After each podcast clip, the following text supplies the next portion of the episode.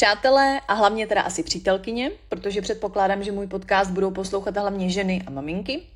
Já vás vítám u svého úplně prvního podcastu. A teď jsem si uvědomila, že jsem hned v první větě zalhala, protože technicky za to je to podcast druhý. Ten první jsme s manželem dotočili před chvilkou, ale vyjde až jako jeden z mnoha, takže vlastně tohle je takový, takový úvodní podcast, který doufám vyjde co nevidět.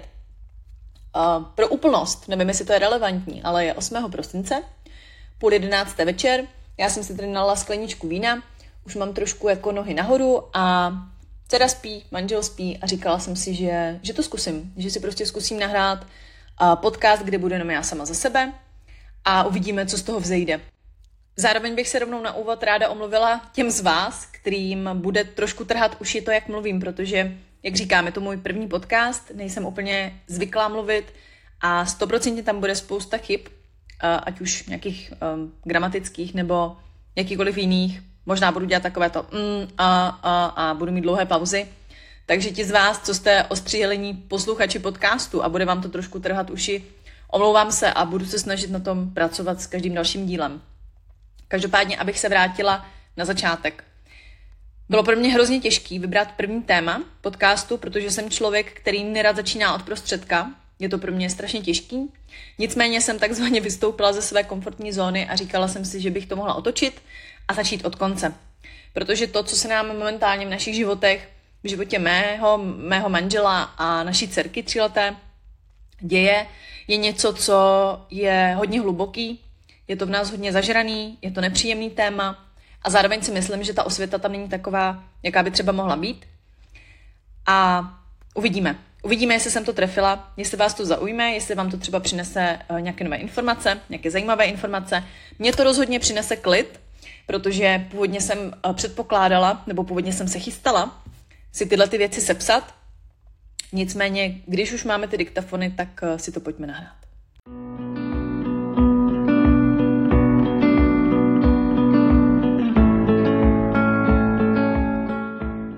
Prvním tématem jsou nemocnice, děti a nemocnice. Pro mě tohleto téma, jak jsem už říkala, je aktuální a bohužel je pro nás aktuální prakticky od začátku eh, života naší dcerky, protože eh, třetí den v porodnici, kdy se dělal patičkový test, což se dělá miminkům předtím, než odejdou domů eh, z porodnice, tak se zjistila Olivce nějaká vada na ledvinách, respektive na vylučovacím ústrojí močovém a tenkrát si pamatuju, že jsme byli hrozně v šoku, že jsme seděli na posteli, já jsem brečela, byla jsem prostě v šoku vyřízená, protože asi každý z nás prostě chce mít uh, zdravé dítě. Myslím si, že to je opravdu jako sen a taková jako um, opravdu také zbožné přání všech jako rodičů, protože neumím si představit nikoho, kdo by chtěl, aby se mu prostě narodilo dítě, které není zdravé, které se bude v životě potýkat s mnoha zdravotními problémy. A my jsme seděli na té posteli s manželem, byla tam ještě moje nejlepší kamarádka, Kristýna. A vlastně jsme si říkali, že nevíme, co bude dál, že vlastně nevíme, eh, jakým způsobem se s tím popereme. Na jednu stranu jsem byla ráda, že už jdeme domů, na stranu druhou um, doktorka nám vlastně při tom, při tom propouštění vyprávila způsob, jakým se tohle bude řešit. Já jenom zmíním, že jsem nikdy nikde nedávala diagnozu dcery, asi to prozatím nemám ani v plánu, protože si myslím, že bych měla respektovat její soukromí. Přece jenom tohle jsou věci, které na internetu potom zůstávají. Vytvářím tímhletím nějakou digitální stopu a byla bych nerada, kdybych uh, o jejich problémech a o tom, jaká ona je nebo s čím se potýká, vyprávěla takhle do éteru uh, lehko vážně se vším všudy. Každopádně, co prozradit můžu, na čem jsme se s manželem víceméně domluvili, uh, je to, že se jedná větší problém, který není běžný, Eh, je to vzácná nemoc, vzácná choroba. Dneska už víme, že to je způsobený eh, genetickou mutací a je to spíš takový soubor nemocí. Každopádně tenkrát nám doktorka vyprávila, že její problém je řešitelný, maximálně půjde na operaci, kde se eh, třeba odstraní nějaký, nějaké zúžení v močových cestách nebo, nebo se udělá nějaký jiný podobný zákrok a tímto hasne, prostě tím to bude vyřešené. Zajímavé je, že si pamatuju, uh, jak jsme z toho byli v šoku, jak jsem si neuměla představit, uh, že dcera prostě půjde na nějakou operaci, kde budou zvětšovat močovod nebo dělat cokoliv jiného.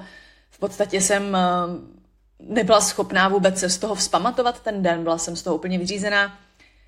Je to zajímavé, když se ohlednu zpětně a vidím, co všechno má to dítě za sebou, co všechno máme my za sebou, co všechno jsme zvládli a jakým způsobem a kam se to vlastně ubralo, co všechno se změnilo, jakou diagnozu jsme si vyslechli a, a kam to všechno vlastně dospělo.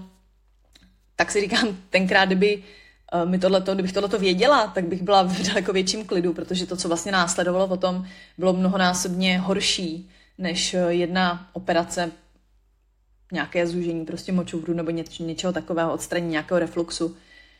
Ale tenkrát jsme to nevěděli, takže uh, jsme odcházeli domů zničení nebo vydeptaní prostě z toho, že, že to naše miminko není zdravé, protože jakékoliv uh, screeningy v těhotenství, všechno bylo v pořádku. A samozřejmě nastala fáze obvinování, kdy jsme přemýšleli vlastně, čí to je vina a jestli je to vina lékařů, kteří mě pro, prohlíželi prostě na, na těle těch screeningzích a kteří prostě dělali ultrazvuky, na kterých by to mělo být patrné podle, podle lékařky, která potom nás propouštěla domů i s miminkem. Ale to jsou všechno věci, kterými se člověk brání, kterými prostě se snaží nějakým způsobem odklonit od té reality a samozřejmě nás to rychle, rychle pustilo, protože to, co přišlo potom, eh, bylo daleko větší a v podstatě několikrát dceři doktoři zachránili život.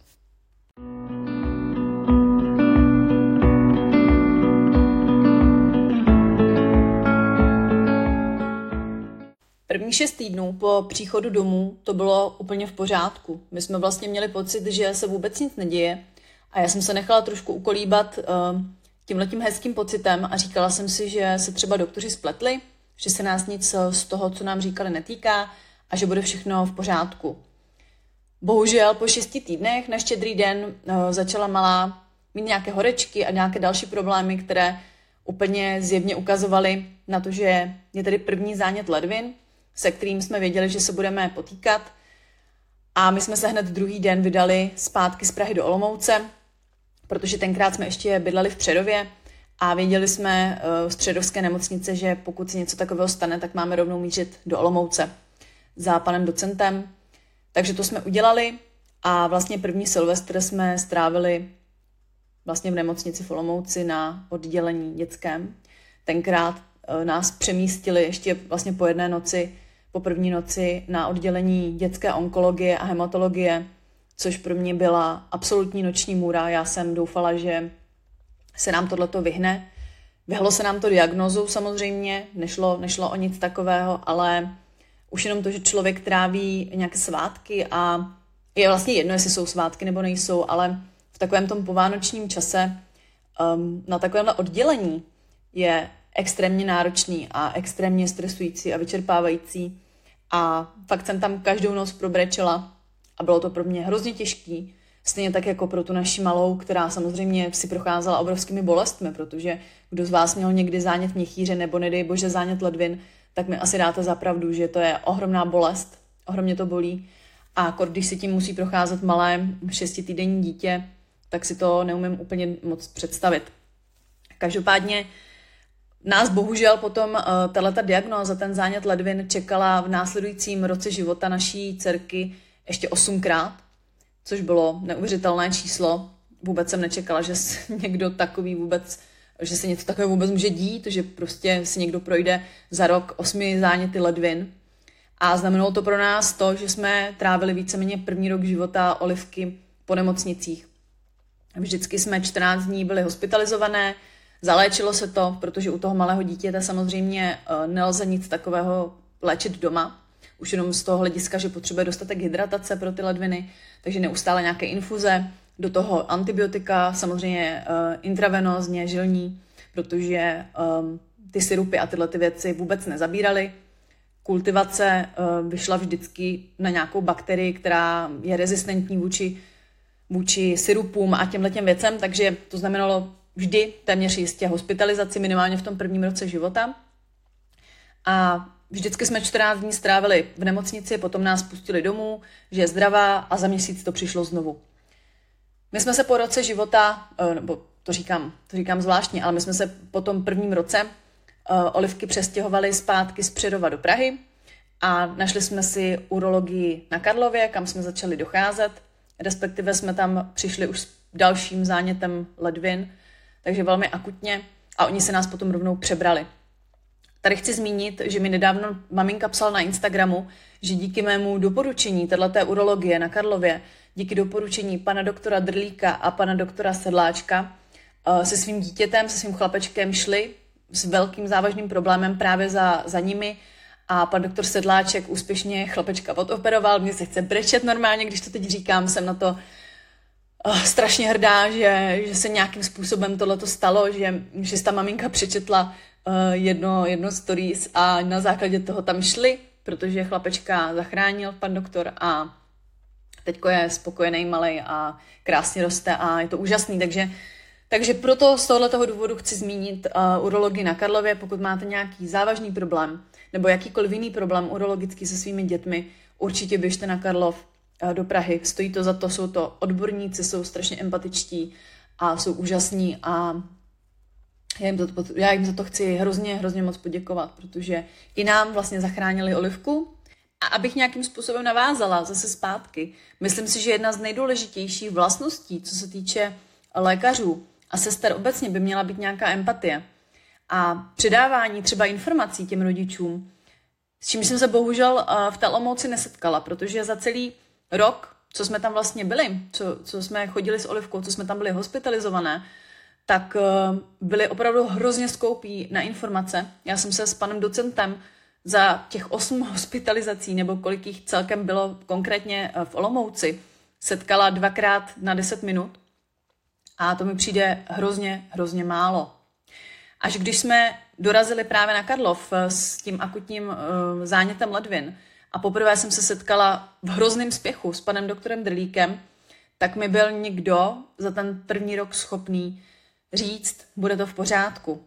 My nevíme, co teďko se děje, víme, že má zánět ledvin, nevíme, jak to budeme řešit, nemáme žádné testy hotové, nevíme, co uvnitř teďko probíhá, proč neustále přichází ty záněty, ale my vám můžeme slíbit, že to vyřešíme a že nějakým způsobem to spolu prostě zvládneme, což si myslím, že potřebuje ten rodič slyšet.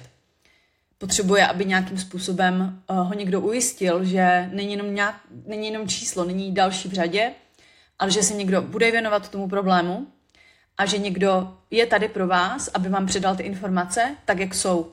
I s tím dobrým, i s tím špatným. Jak jsem říkala na začátku, Uh, ta diagnóza není důležitá. Tady bych to klidně ten příběh zastavila. V současné chvíli je ten její problém vyřešen, byť se objevil další, závažnější problém. Objevil se původce tohoto toho všeho, což je genetická mutace, která způsobuje dalších XY problémů, se kterými jsme nepočítali na začátku. Proto jsem říkala, že eh, kdybych na začátku věděla, kam až se dopracujeme, tak bych byla s jednou operací refluxu úplně v pohodě, protože to, co se dělo teď v posledním měsíci, bylo šílený. Byl to šílený přival nových informací, stresujících informací a závažných diagnóz. Nicméně vyřešili jsme to, tenhle ten problém uh, ledvinový se akutně vyřešil. Vyřešil se na velmi dlouhou dobu. Není to konečné řešení, ale díky Karlovu jsme podnikli nějaké kroky a jak říkám, já jim za to chci ještě jednou poděkovat, protože to neberu jako samozřejmost. To v žádném případě. Já bych určitě nechtěla, aby tenhle ten podcast vyzněl jako nějaká dehonestace lékařů, protože já jsem velký fanda moderní medicíny. Já si myslím, že opravdu umíme zázraky.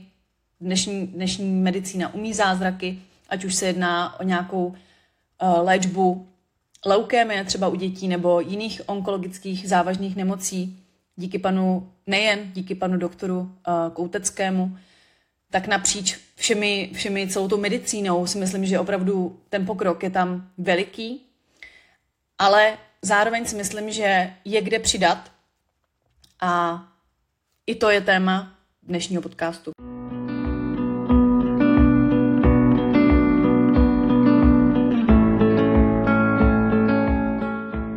Vy, co mě právě teď posloucháte, jste pravděpodobně i sledující na mých sociálních sítích, protože nepředpokládám, že s prvním dílem by se ta moje bublina zvětšila natolik, aby přibyla velká řada nových lidí. Takže asi víte, že s doma s manželem provozujeme respektující výchovu, což jsem teda řekla hrozně, ale uh, víte, co tím myslím. Já to nerada škatulkuju, Myslím si, že respektující výchova se hodně často zaměňuje s výchovou volnou, která je bez nějakých mantinelů a hranic, což chci zdůraznit, že určitě u nás neděláme a myslím, že to ani není podstata respektující výchovy. Každopádně, proč to říkám? Myslím si, že nemocnice je pro jakýkoliv respekt vůbec to nejtěžší prostředí, nebo minimálně pro mě. Protože v momentě, kdy já překročím ten práh nemocnice a vejdu dovnitř, tak se mě zmocní obrovský vnitřní stres a hysterie a začnu jednat tak, jak bych jednat nechtěla, nebo dřív se mi to hlavně stávalo. Uh, začnu, začnu mi tam skákat takové ty staré vzorce, které se snažím uh, přepsat a chovat se tak, jak chci, jak doopravdy chci a jednat vědomně. A je to hodně těžký, protože je to prostředí, kde se bojíme všichni. Myslím si to, že se tam bojíme všichni, nebo aspoň většina z nás. A naše generace je v podstatě vychovaná k nějakému absolutnímu respektu k autoritám, mezi které bez sporu lékaři patří. Takže pro mě bylo ze začátku hrozně těžký vůbec jednat jakým, jakýmkoliv způsobem s tím lékařem, s těma sestrama. A hodně často jsem si nechala líbit věci, které dneska už vím, že bych si líbit nenechala. Jak když jsem tohleto téma otevřela na svých sociálních sítích, tak mi řada z vás psala, že se vám něco podobného taky stalo. Um, mám na mysli, jste hospitalizovaný s dítětem, je potřeba odebrat krev, přijde sestřička do pokoje, řekne vám, maminko, my si teďko malou vezmeme, odebereme jí krev a za pět minut vám ji přineseme. Řada z nás, včetně mě, bohužel, a nejsem na to pišná, to dceru opravdu, nebo to dítě opravdu předáme uh, těm sestrám a necháme, a dělají svoji práci, ale za cenu toho, že to dítě je tam samo. Já si pamatuju, že když jsem tenkrát uh, z toho byla v šoku a nesvá a mrzelo mě to, že slyším tu malou brečet přes ty dveře a čekám za nimi a nechávám ji tam vlastně samotnou s těma sestrama, uh, tak mi vždycky, vždycky ty sestřičky potom říkali, nebojte se, ona je maličká, ona si to nebude pamatovat. Což je ale samozřejmě velká chyba, protože hlava je jako hard disk, prostě všechno, co tam, co slyší to dítě, a nemusí to být ani mířeno přímo na něj, nebo co vidí, nebo co zažívá, se na ten hard disk uh, ukládá, ukládá se to do podvědomí. A byť si to dítě potom uh, v pozdějším věku není schopné vybavit konkrétní vzpomínku, tak to tělo si to pamatuje. To tělo jako takové si to fyzicky pamatuje. Z toho důvodu mě zpětně strašně mrzí, že jsem si některé ty situace nechala líbit, že jsem nebyla znalá v tom, co si ty sestřičky můžou a nemůžou dovolit. Nebyla jsem znalá toho, jak moc potřeba je s tím dítětem u těch zákroků být, nějakým způsobem tam být jako to jeho kotva, jako ten člověk, který ho uklidní, který ho podrží, protože, jak říkám, to tělo si to ve výsledku všechno pamatuje. Já bych chtěla znovu zdůraznit, že to nemá být žádný pranýř sester nebo lékařů. Ten systém je nějakým způsobem nastavený a já věřím tomu, že ty sestřičky to velice často nedělají v žádné zlé víře. Naopak uh, snaží se třeba podpořit i tu maminku tímhletím zvláštním způsobem, ale uh, třeba vidí, že ten rodič není psychicky úplně připravený a nemusí být. Já tomu věřím, že ty situace jsou někdy těžké a sama jsem několik zákroků probrečela, protože jsem viděla to utrpení té dcerky. Na druhou stranu uh, si myslím, že my jako rodiče bychom měli znát své práva a měli bychom si být vědomí toho, jakým způsobem můžeme zakročit, jakým způsobem můžeme to dítě podpořit a co mu můžeme způsobit, pokud to neuděláme.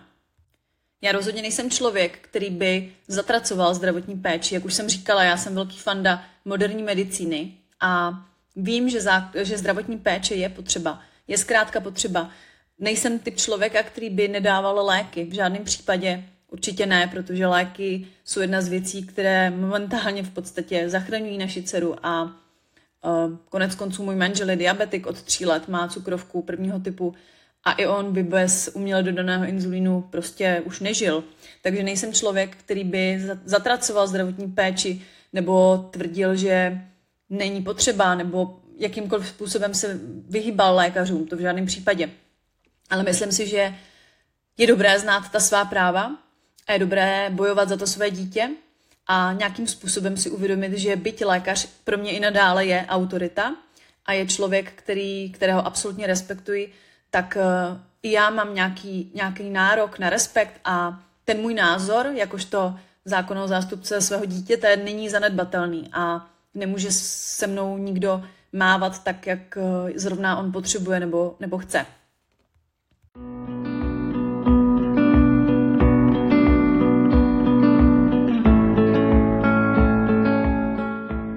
Já už jsem zmiňovala, že se nám uh, v listopadu nějakou souhrnou diagnózou, která přišla ze strany lékařů, dost podstatně změnil život a nějakým způsobem se hodně věcí vykrystalizovalo a hodně věcí nabralo šílený spát a opravdu hodně, hodně těžce jsme nesli posledních 14 dní, kdy jsme zjistili, že dcera musí na velmi akutní rizikovou a těžkou operaci, která jí zachrání život a nemáme vyhráno stále ještě, protože čekáme na řadu výsledků a ještě se to všechno může zvrtnout uh, docela, docela blbým směrem.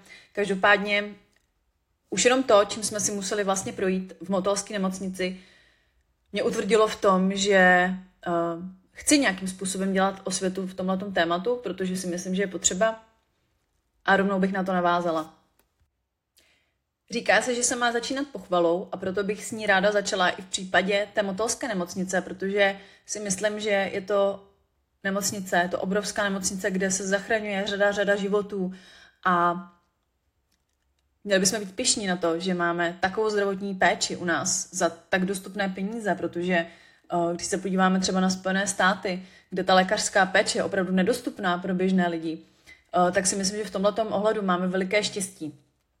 Na druhou stranu, ten disrespekt vůči, vůči rodičům eh, je často tak velký, že mě to nutí k zamyšlení, eh, proč si ty lékaři, nebo proč si především ty sestřičky, konkrétně třeba na tom dětském oddělení, eh, vlastně stále myslí, že my rodiče jsme tam od toho, aby jsme nějakým způsobem vysírali a aby jsme jim komplikovali práci, protože si myslím, že ve valné většině případů to tak vůbec není. Že nám jde o společný cíl, to je zdraví našeho dítěte, a nejde nám o to, aby jsme nějakým způsobem někomu komplikovali práci nebo mu stáli v cestě nebo, nedej bože, kohokoliv ohrožovali. Ale ten život existuje i po té nemocnici. A vystavit dítě dobrovolně nějaké samotě v té nemocnici, jenom z toho důvodu, že je to nařízené, že vám to někdo řekne, že to řekne sestra, že prostě takhle to tam chodí, běžte domů, uh, si myslím, že není v pohodě, není to prostě v pořádku. Velké plus, které my jsme tam zažili, byla jednotka intenzivní péče, protože eh, na rozdíl od Terezy Salte, která nedávno vystupovala v různých médiích, například v DVTV, nahrávala i svůj vlastní podcast vlastně o svém synkovi, který má onkologickou diagnózu a zažívali uh, velké trable právě v motolské nemocnici, kde nemohla s ním být na jednotce intenzivní péče a bylo jí to zakazováno a musela si to hodně tvrdě prosazovat. Tak my jsme měli to štěstí, že na jednotce intenzivní péče Orl v Motole byla naprostá samozřejmost, že tam s ní budu po operaci, že tam s ní budu 24 hodin. Uh, nikdo mě od nikud nevyhazoval, měla jsem své rozkládací lůžko a ty sestřičky byly strašně milý a strašně příjemný a bylo to velké, velké plus a velké ulehčení uh, v už tak stresujícím období našeho života. Každopádně předcházela tomu narkóza, kdy jsem byla domluvená s anestezioložkou, eh, kam až přesně můžu, kam můžu doprovodit tu svoji dcerku. Celé to probíhalo hrozně hekticky, protože eh, vypadlo jedno děťátko před, eh, před dcerou mojí a neoperovali ji nakonec, protože byla nachlazená z nějakého závažnějšího důvodu a dceři Olivce nestihli dát premedikaci. Premedikace slouží k tomu, aby to dítě trošku ukolíbala, ono je potom takové vláčné, někdy třeba i usne a ty sestřičky si ho v klidu můžou dole přebrat u operačního sálu, uh, napíchnout kanilu a potom už anestezii a už, už to jede. Každopádně Olivce tuhle tu premedikaci nestihli dát, protože ona zabírá 30 minut a bohužel prostě uh, tím, že vypadlo to děťátko před náma, tak uh, sestřičky doslova vtrhly do pokoje s tím, že hned honem musíme jet, prostě rychleji zabalte, rychleji dejte do postýlky, jedeme, jedeme, jedeme rychle. No, Kdybych nevěděla, že tam mají toho fóra, eh, tu hodinku, která, kterou měl trvat ten první zákrok té, té holčičky, eh, tak bych si řekla, že skutečně třeba někam někdo spěchá a v žádném případě tam nejsem o to, abych eh, řídila řídila operace a nějakým způsobem si určovala, kdy půjdeme na řadu. Na druhou stranu si myslím, že už jenom ten počáteční stres a schon a takové toho nemaminko, rychle to vyřešte, rychle jdete do postýlky, rychle se rozlučte, je prostě něco, co třileté dítě nemůže absolutně zvládnout. Takže samozřejmě nastala panika ze strany Olivky, nastal, nastal prostě obrovský šok a emoce. To bylo úplně jasné, že, že samozřejmě se tohle to stane. Takže jsem se snažila nějakým způsobem ji uklidnit. Ona v té postýlce samozřejmě nechtěla být, takže jsem ji automaticky vyndala s tím, že teda prostě ponesu na ten operační sál. Takže jsme přikročili k výtahu, sestřičky vezly tu postel, na které měla být, já jsem ji nesla v náručí a najednou mě před výtahem jí začaly odebírat z ruky, že si ji teda vezmou a že teda jedou na sál.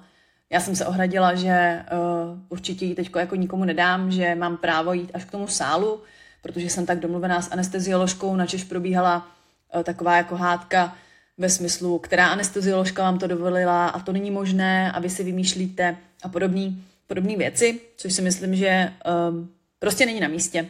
Myslím si, že jsou to věci, které se nemusí řešit před dítětem v tu danou chvíli. Uh, je to zbytečný, nehledě na to, že jsem samozřejmě měla, nevymýšlela jsem si to, měla jsem všechny, všechny prostě papíry, měla jsem uh, jméno anestezioložky a měla jsem to zkrátka domluvené, takže, takže bylo to úplně zbytečné z mé strany, nebo z mého pohledu. Uh, každopádně jsem dcerku doprovodila až k operačnímu sálu, tak jak jsem byla domluvená s anestezioložkou, kde si sestřička malou převzala. Bohužel to samozřejmě bylo v nějakých určitých emocích, nicméně já jsem se snažila ji celou dobu uklidňovat, že ji přidám sestřičce, budu stát za těmi dveřmi, budu na ní čekat.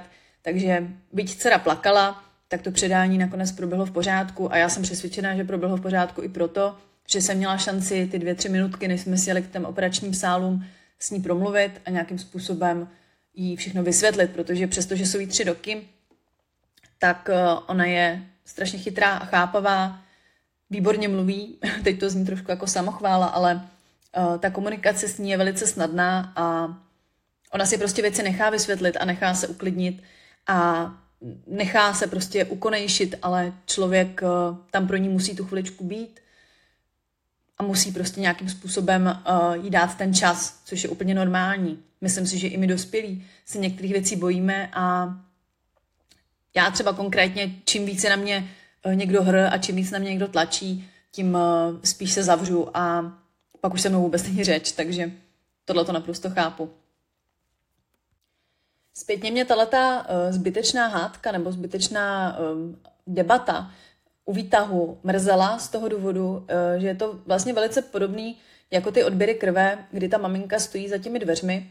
Myslím si, že se jedná hodně o ulehčení práce těch sester, protože sestra mi vlastně sama potvrdila, že když ten rodič jde až k tomu operačnímu sálu s tím dítětem, tak to loučení je potom horší.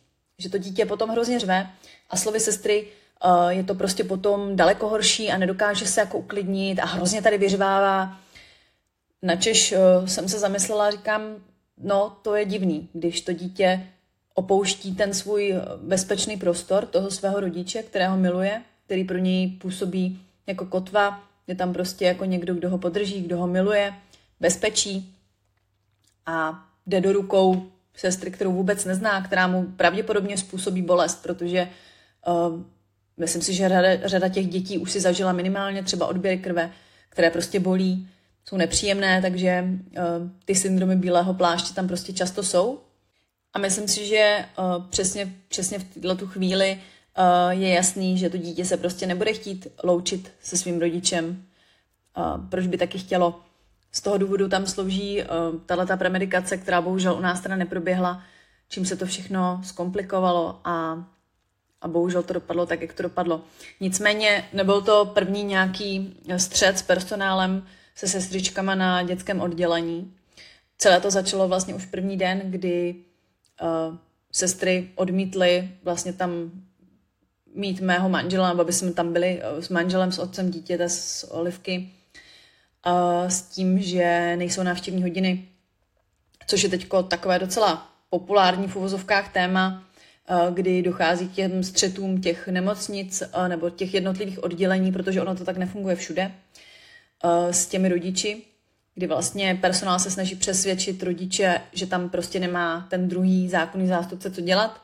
A rodiče už se díky bohu velmi často snaží přesvědčit personál, že zákonný zástupce má prostě právo na kontakt se svým dítětem a je úplně jedno, že tam je už ta maminka. Ten otec má úplně stejná práva jako ona a to dítě má právo být tam s oběma rodiči. Samozřejmě nebavíme se o tom, že oba rodiče mají nárok na lůžko nebo stravu, ale bavíme se o, tu, o té přítomnosti.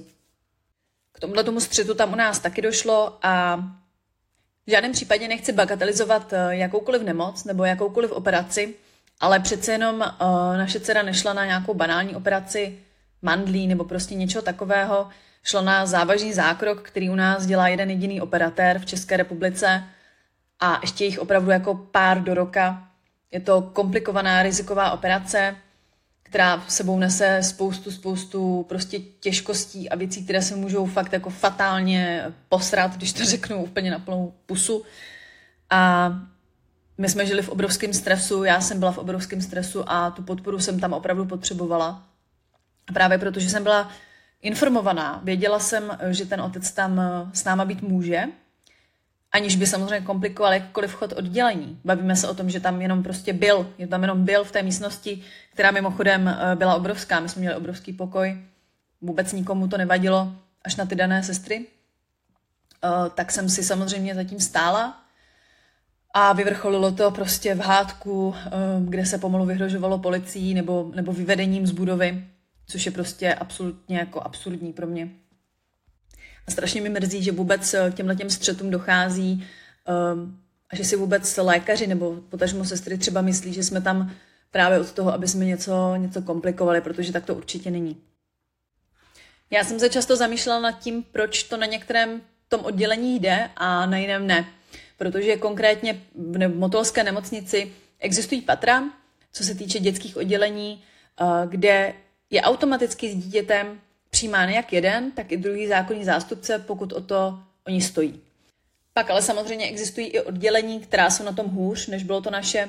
Třeba um, ten zmiňovaný příběh Terezy Salte, kdy v podstatě ze začátku to vypadalo, že vůbec nebude na jípce moc být se svým synem, který byl po vážné operaci. Nakonec si to vybojovala, ale uh, smutný na tom je, že si to vůbec musíme jako rodiče vybojovávat. To je to, co mi přijde absurdní. Každopádně, jak říkám, pravidla jsou všude jiná a být by to tak určitě, určitě nemělo. Já jsem se naučila nebát se ozvat a potlačit v sobě tu přirozenou autoritu vůči těm lékařům a sestrám, protože, jak už zmiňuji po několikátý a chci, aby to tady bylo extrémně zdůrazněno, vůbec nám jako rodičům, nebo minimálně mě a Jiřímu, nejde o to nějakým způsobem někomu škodit nebo něco dělat těžší, než to je, nebo prostě uh, vysírat a vymýšlet si nějaká svá pravidla, ale když to ta situace dovoluje a když na to má člověk právo, tak by toho práva měl využít a měl by tam opravdu být pro to dítě. Některé ty sestřičky tam byly opravdu jako andělé, byly tam prostě neskutečné, neskutečné ženy prostě v této pozici a já jsem za to strašně vděčná, protože uh, některé ty situace nám extrémně ulehčovaly, ale bohužel, jak říkám, uh, setkali jsme se taky s uh, velkým disrespektem a potlačováním těch našich práv i navzdory zákonům, protože uh, vtipná příhoda byla, že při vstupu na jedno to oddělení, kam jsme potom šli, je velká tabule, na které jsou práva hospitalizovaných dětí. A na té tabuli je konkrétně bod číslo dva. Mimochodem, tohleto, tyhle ty práva hospitalizovaných dětí vydává Ministerstvo práce a sociálních věcí. A ten bod číslo dva zní, uh, děti v nemocnici mají právo na neustálý kontakt se svými rodiči a sourozenci. Tam, kde je to možné, by se mělo rodičům dostat pomoci a povzbuzení k tomu, aby s dítětem v nemocnici zůstali. Aby se na péči o své dítě mohli podílet, měli by rodiče být plně informováni o chodu oddělení a povzbuzování k aktivní účasti na něm. No, přestože tam uh, mají na té tabuli takhle krásně vypsaná ta práva hospitalizovaných dětí, tak přesto uh, ta práva byla porušována a popírána, což mi přišlo až vlastně úsměvný a k smíchu. Úplný takový jako pomyslný vrchol v tom všem bylo, když eh, jedna z těch sester, která se mnou vezla tu malou na tu anestezii, a která se mnou měla vlastně tu největší rozepři ohledně toho, kam až teda smím a nesmím jít a jestli smím do výtahu a nesmím do výtahu a prostě řešili se tam tyhle ty nesmysly. tak za mnou vlastně přišla, Potom povídali jsme si nějakým způsobem, já jsem se snažila, nebo já se vždycky snažím jednat jako naprosto, naprosto prostě normálně a nedělat jako žádný netvářice, neksichtit se. Zkrátka dobře bylo to za námi, operace dopadla více než výborně. Kdo jste sledovali moje sociální sítě, tak víte, že, že Malá to snášela úplně abnormálně skvěle a v podstatě nebyl žádný problém. Ona za mnou přišla do toho pokoje, tak jsme si povídali a ona mi říká, No, víte co, ten, ten odjezd eh, na tu anestezii, ona byla v pohodě, ona prostě pak už ve výtahu se jako uklidnila a už si jí tak jako zavírali očka a, a prostě už byla jako v pohodě. A je, tak se jako zarazila já říkám, no já jsem v tom výtahu ale byla. To mě přišlo zarážející a říkala jsem si, ty jo, tak tady, tady jako něco hodně v nepořádku.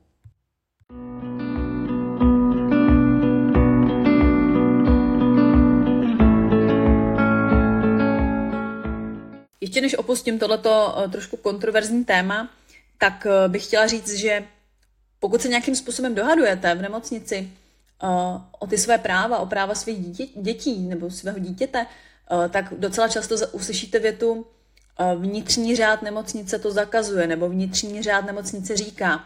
Jenom bych chtěla zdůraznit, že vnitřní řád nemocnice není nad zákony o tom, jaké máme práva jako rodiče a jako, jaké mají práva naše děti, pojednává třeba Charta práv hospitalizovaných dětí, ze kterých jsem citovala onen bod číslo 2, který byl i na té nástěnce.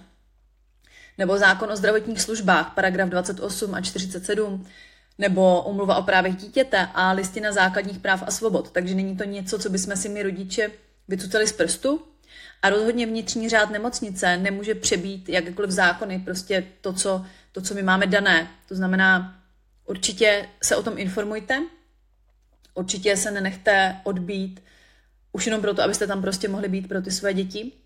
A ještě bych vám přidala jeden, jednu reportáž, kterou hodím eh, potom do komentářů nebo do popisku. Puste se reportáž 168 hodin, eh, konkrétně díl právě s Terezou Salte, která tam popisovala celý průběh hospitalizace a tyhle ty problémy, které, které ona zažívala a jsou tam i problémy spojené s brněnskou nemocnicí, kde se vlastně stalo něco podobného. A určitě se na to podívejte, protože je to strašně zajímavý. A přesně o tom, o tom se tam hovoří a hovoří tam o tom několik odborníků.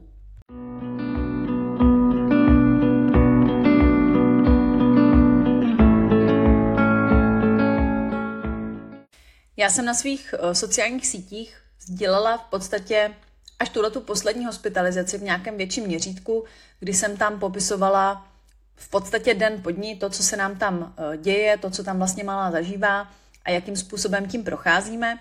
A na to konto mi přišel jeden dotaz, jak je vlastně možný uh, projít nějakým vyšetřením nebo nemocnicí, hospitalizací uh, s respektujícím přístupem. A já jsem si uvědomila, že jsem to vlastně nikdy asi uceleně nijak nezdílela, a že by bylo dobrý, aby to tady zaznělo, protože je to soubor nějakých rad, které jsem si ani já teda sama nevycucila z prstu, ale jsou to možná věci, které se vám někdy, nedej bože, budou hodit a když se vám nebudou hodit v nemocnici, tak si myslím, že je to takový pěkný průřez tou respektující výchovou, kterou, který se dá vlastně použít potom úplně na všechny situace, nebo na většinu z nich. Tím prvním bodem je dát dostatečně dopředu dítěti najevo, že se bude něco dít. Dostatečně dopředu ho informovat. Což jsem vlastně zmiňovala i u té premedikace, že tam byl největší problém ani ne tak to, že nedostala ten prášek sklidňující, že nedostala tu premedikaci, ale spíš ten způsob, jakým se začalo jednat. Že vlastně tam došlo k tomu vpádu do toho pokoje, kdy začalo být všechno hrozně hektické, hrozně se všechno začalo hnát, eh, sestřičky jakoby rychle, rychle, rychle, ať je to všechno prostě hotový, ať tam rychle jsme, ať už to může jako běžet. A to dítě prostě dostane strašně, strašný impuls, strašně ho to vystresuje, stejně tak jako to samozřejmě vystresovalo mě, protože my jsme tam zrovna uh, si hráli s něčím a prostě měli jsme jako moc fajn chvilky. A teďko to dítě samozřejmě před tou operací nejí a nepije, takže ono už tak zabavit hladové a žíznivé dítě, takový jako, uh, kdo máte děti, které uh, jsou zaměřený hodně na jídlo, tak mě asi pochopíte. Takže ten úplný základ by mělo být dostatečně dopředu to dítě informovat. Nebavím se o řádu minut, bavím se klidně, pokud jde o nějaký větší třeba zákrok nebo hospitalizaci, klidně o řády dní, protože toho času není nikdy dost, si myslím, a je úplně v pořádku nějakým způsobem na to dítě připravovat. Mě v tom moc pomohla knížka od Petra Levina. Jmenuje se to Prevence traumatu u dětí a je tam celá samostatná kapitola, která vlastně ukazuje a popisuje, jakým způsobem se dá s dítětem o tomhle bavit a jak ho o tom dobře informovat. Ať už se jedná o nějaké hry, kdy si hrajete třeba doma na, na doktory, nebo to dítě třeba, naše Olivka má i svoji doktorskou sadu, kterou si do nemocnice vzala sebou. A při každém vyšetření třeba anesteziologa, kdy vlastně poslouchal srdíčko, tak ona si vzala svůj stetoskop a poslouchala srdíčko té anestezioložky, eh, což může takhle znít trošku úsměvně a věřím, že se najdou lidi, kteří to budou považovat za nějaké zdržování, ale konkrétně třeba Olivce tohle to strašně moc pomohlo protože se sou, cítila součástí toho procesu a, myslím si, že to je strašně důležitý. To dítě tam není jako něco, na kom prostě se udělá ten zákrok a prostě kterému se udělá ta operace a odebere se ta krev, ale prostě děti jsou taky lidi, jak říká Zdeňka Šípová a, a Myslím si, že takhle to prostě je a mělo by se s tím dítětem počítat a mělo by se mu dát ten prostě prostor dostatečný k tomu, aby se nějakým způsobem připravilo. A ono to samozřejmě neznamená, že to dítě to přijme v plném rozsahu, eh, že jako mávnutím kouzelného proutku si řekne, OK, dobrý, tak prostě jdu na operaci, OK, tak mi vemte krev. O tom to není. Je to prostě krok za krokem nějakým způsobem eh, to dítě připravit, a co možná nejvíc eliminovat to trauma, který tam může vzniknout. K tomu se váže bod číslo dva a ten je podle mě strašně důležitý a to je nelhat tomu dítěti.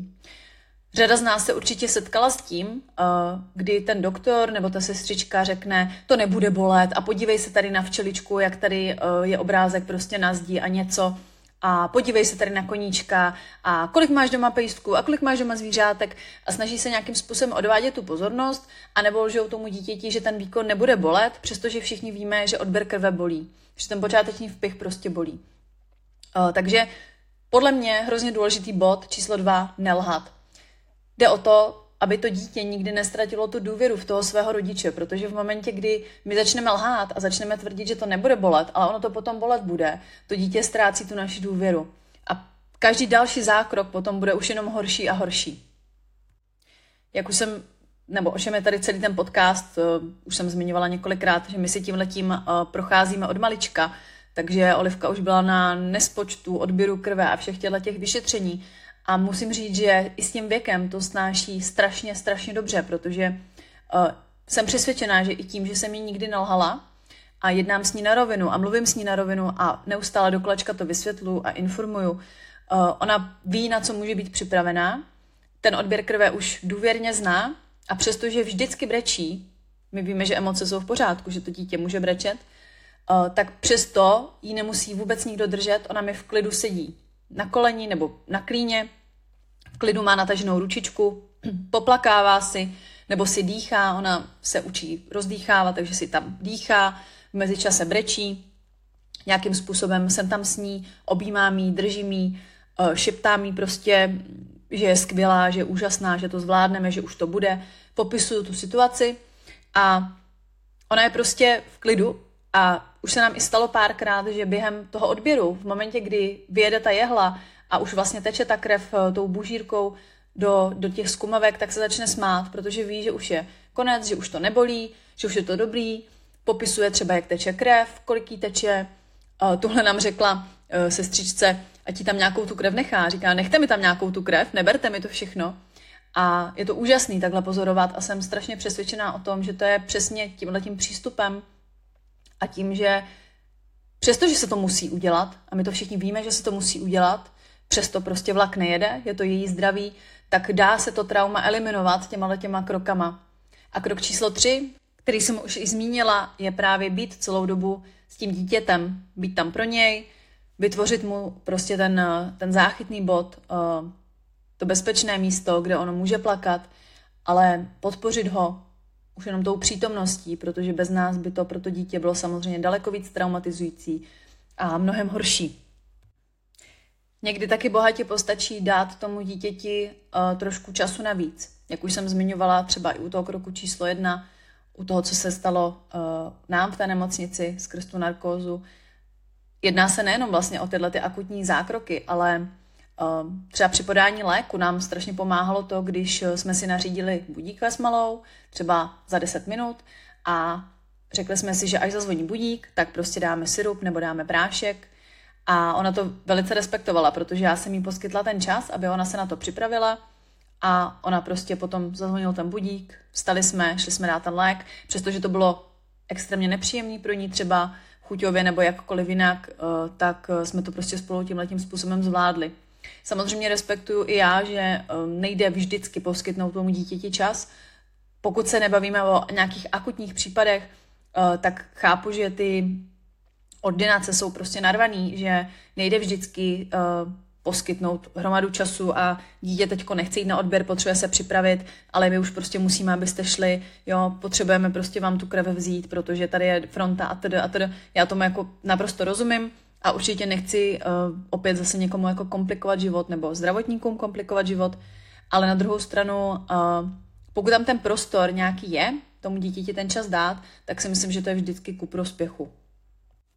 Jak už jsem zmiňovala, tak eh, ty emoce se pravděpodobně dostaví, protože pokud ty děti nejsou v nějakém už pokročilém jako věku, tak prostě ty emoce tam jsou, ty emoce tam asi pravděpodobně budou a je potřeba se s nima naučit pracovat, takže samozřejmě uznávat v rámci té respektující výchovy, to je takový jako úplný asi základ, co vy, kteří o tom máte třeba něco načteno nebo i doma praktikujete, tak to určitě víte. U tohle toho nemocničního prostředí to není jinak. Prostě to uznávání emocí k tomu patří. Samozřejmě je to pro všechny emočně náročný. Já si někdy říkám, že bych taky potřebovala uh, uznat si emoce a pustit to za sebe, byť si to jako nikdy v tomhle prostředí nedovolím, protože uh, říkám, já jsem tam jako takový prostě bezpečný přístav pro tu malou a nechci, aby ona mě v tomhle prostředí viděla rozrušenou, protože by jí to mohlo taky rozrušit a myslím si, že kor u těchto těch náročných operací, kdy člověk opravdu jako není lékař a nemůže dělat vlastně vůbec nic, co se týče medicíny, tak můžeme udělat hodně pro tu psychiku toho dítěte. Uh, proto já jsem se vždycky snažila, vždycky se budu snažit tam být jako hodně, hodně pevná skála a prostě potom si to v sobě v klídku někde rozebrat a trošku se jako zhroutit v klidu doma prostě sama nebo s manželem, až si to jako můžu dovolit. Každopádně to uznání emocí je tam taky hrozně důležitý a poslední důležitý bod je samozřejmě zpětně tu situaci rozebrat. To znamená, uh, když to dítě nám to dovolí nějakým způsobem a ideálně třeba, když s tím přijde samo, což se nám s Olivkou děje, že ona si přijde i sama prostě o tom potom promluvit, jak se to vlastně dělo, proč se to dělo, uh, co se stalo prostě a co bude dál a tak, uh, tak to prostě rozebrat zpětně a vlastně dojít nějakému, nějakému prostě závěru, proč je to potřeba, a proč to bylo tak, jak to bylo.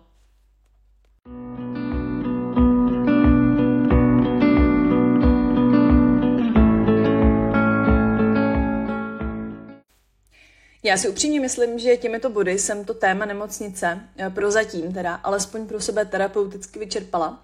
Ale mě by hrozně zajímalo, jaké jsou vaše zkušenosti s nemocnicí a jaký máte vlastně na tuhle problematiku názor. Určitě se nebojte mi napsat, já si to moc ráda přečtu a třeba z toho vznikne nějaký druhý díl.